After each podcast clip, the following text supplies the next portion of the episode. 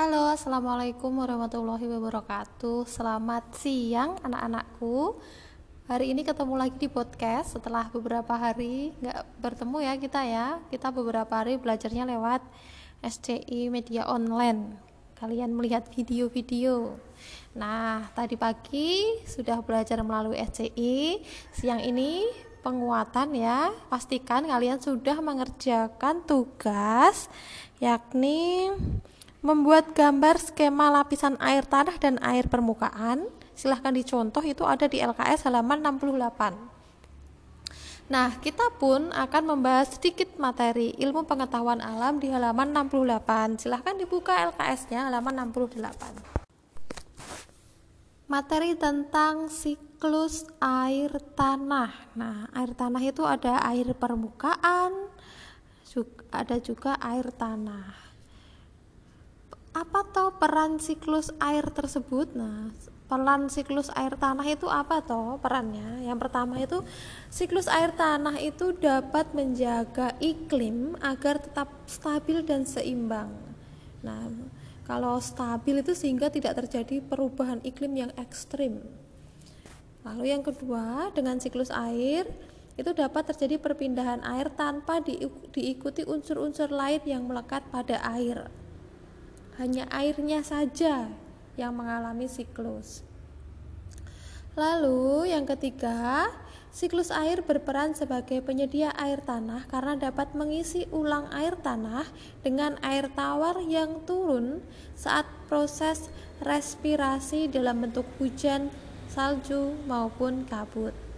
Yang keempat, adanya siklus air itu dapat menyebabkan suhu dingin atau panas di bumi aliran air hujan di atas daratan memungkinkan terjadinya erosi dan juga sedimentasi. Nah, karena erosi dan sedimentasi ini dapat mengubah kenampakan permukaan bumi. Zaman dahulu, kenampakan permukaan bumi tidak seperti saat ini ya. Tapi karena adanya proses erosi dan juga sedimentasi, permukaan bumi itu bentuknya selalu berubah ya. Nanti pun mungkin satu abad setelah sekarang bentuk permukaan bumi akan beda dengan permukaan bumi di saat ini. Yang keenam, adanya siklus air itu dapat memelihara kehidupan ekosistem yang ada di bumi, terutama yang ada di permukaan daratan. Hewan-hewan dapat minum dari air di sungai, di danau. Manusia pun juga dapat memanfaatkan air tanah. Air bersih yang diambil dari dalam tanah. Lalu yang ketujuh, siklus air itu dapat mencegah kekeringan karena dapat mengontrol ketersediaan air di bumi. Nah, itu tadi adalah peran siklus air Nah, sekarang kita lihat nih gambar skema lapisan air tanah dan juga air permukaan. Air permukaan atau surface water itu ada di, di atas permukaan tanah ya. Lalu air tanah dapat diambil dengan berbagai cara. Salah satunya adalah sumur freatis. Itu air tanah yang dangkal. Kalau kalian pernah melihat sumur, lalu sumurnya itu nanti uh, apa di bahasa Indonesia-nya apa ya? Kalau bahasa Jawanya diduduk diduduk ya tanahnya lalu ketemulah sumber air lalu dibuat sumur lalu mengambil airnya dengan cara ditimba diambil airnya itu pakai timba itu ya.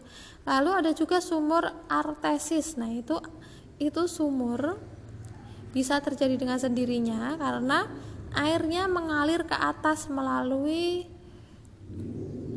sumber tanpa dipompa. Nah, itu airnya itu mengalir ke atas itu tanpa dipompa. Seperti airnya itu seperti sumber air, seperti umbul itu ya.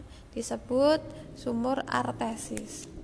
Lalu ada juga daerah resapan Daerah resapan ini mempermudah air yang turun entah itu hujan, entah itu salju, kabut dan lain-lain itu dapat turun ke bawah lalu disimpan di tanah sebagai air cadangan ya. Nah, itu daerah resapan yang baik itu adalah daerah yang banyak sekali pohon-pohonnya.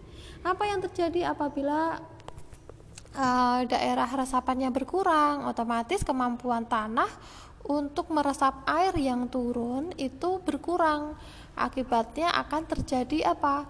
Kekurangan sumber air tanah. Kalau musim kemarau bisa menyebabkan kekeringan, bisa menyebabkan krisis air. Jadi di daerah tersebut sangat sulit mencari air walaupun tanahnya sudah digali ya, bahasa Indonesia digali. Bahasa Jawanya diduduk, bahasa Indonesia digali ya.